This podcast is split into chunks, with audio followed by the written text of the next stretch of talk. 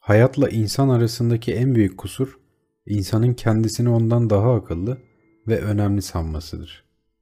Yaşamı boyunca pek çok hileyle hayatın önüne geçebileceğini, kolayca içine karışabileceğini sanır. Oysa hayat, hile dediğimiz sihrin mucididir. En büyük numarası da zamandır. Vaktin nasıl geçtiğini anlamayız ama gözümüzü bir açarız ve kendimizi bir anda 30 yaşında buluruz. Sonra ruhumuzda onulmaz bir yara açılır. Artık sokaktaki erik ağacına tırmanan değil, pencereden o çocuklara kızan, bağıran kişi olmuşuzdur. Kendimizi sihirli bir düşle, hileli bir düşünceyle, pencereden mahalleli çocuklara bağıran, çatık kaşlı, kusurlu ve öfkeli bir yetişkin olarak düşleriz. Hatta o ışıltılı köşesini keşfettiğimiz sokağın başında oturur, pencerelere bakar ve bundan 27 sene evvel düşüp bir yerlerimizi yaraladığımız o tatlı bahar cumartesini düşünürüz.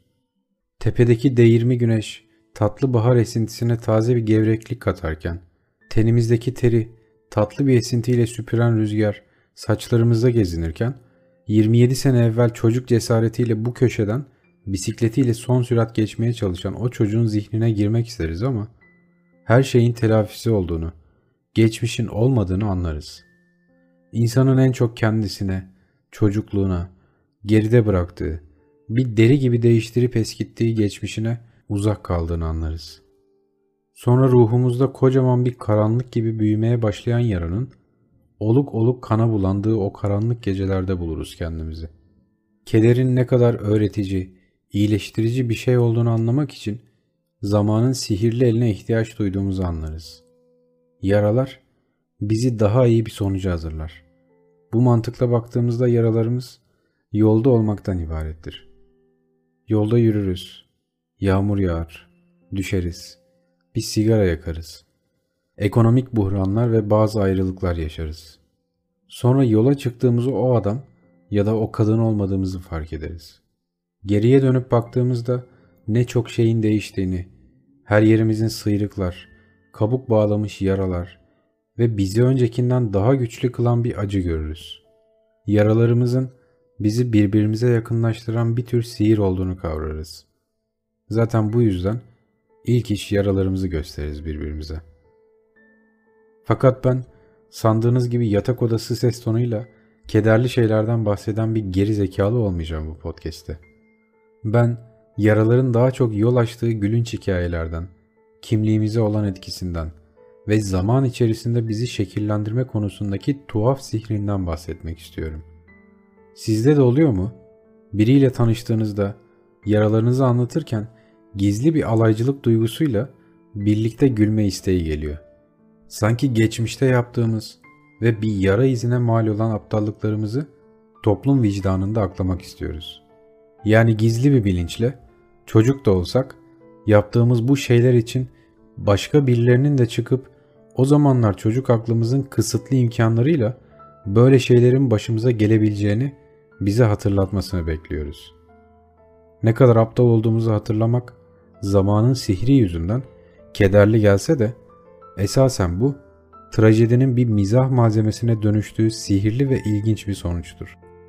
Sonuçta geçmişte de olsa çocuk ya da genç o hatayı, o aptallığı yapan bize ait olan bir akıl ve bedendi.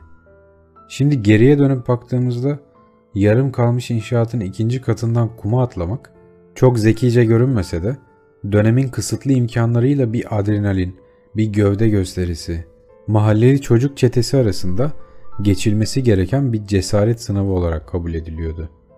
Tabi şimdi otuzunu devirmiş yetişkinler olarak böyle şeylerden mizah çıkarmak ve bıyık altından gülmek biraz zalimce geliyor. Ama yine de bu durumu komik buluyorum. Çünkü bana göre tüm çocuklar biraz aptaldır.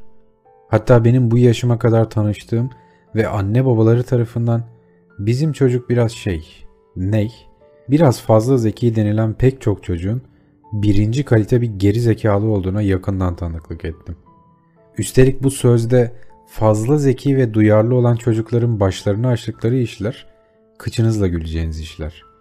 Yani 27 yaşında bahsedilecek karizmatik yara izleri sanırım 2000 kuşağı ile birlikte sona erdi.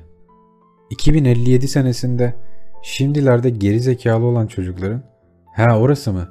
Orası kuzenim Necmiye'nin beni beşikten aşağı atmasıyla oluştu. Evet Necla, küçükken çok büyük acılar çektim. evet çok salakça. Nitekim gerçekçi.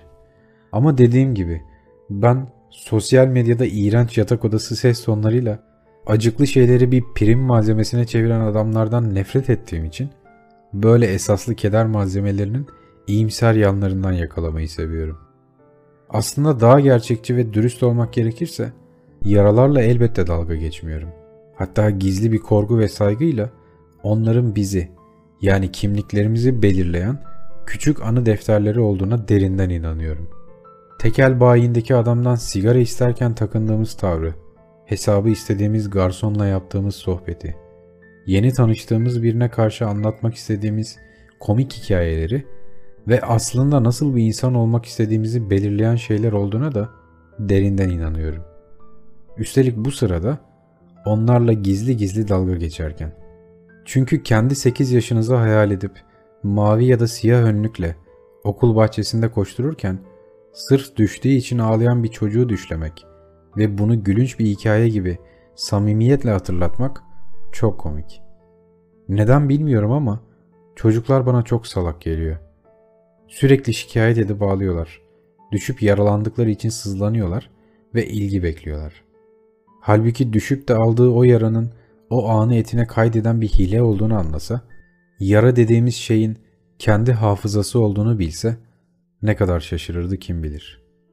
Yaralarla ilgili bu podcast'te onlara sanıldığı gibi ciddi bir duruşla yaklaşmamamın nedeni, ciddiyeti ve saygıyı hak eden meselelere gereğinden fazla ciddiyet ve mesafeyle yaklaşılması. Yani saygı duymamız ve ciddi yaklaşmamız gereken meseleler bir süre sonra kültür, gereksiz bir gelenek haline geldiği ve artık o şeye neden saygı duyduğumuzu unuttuğumuz bir şekle dönüştüğü zaman o şey benim nezdimde saygıyı kaybediyor.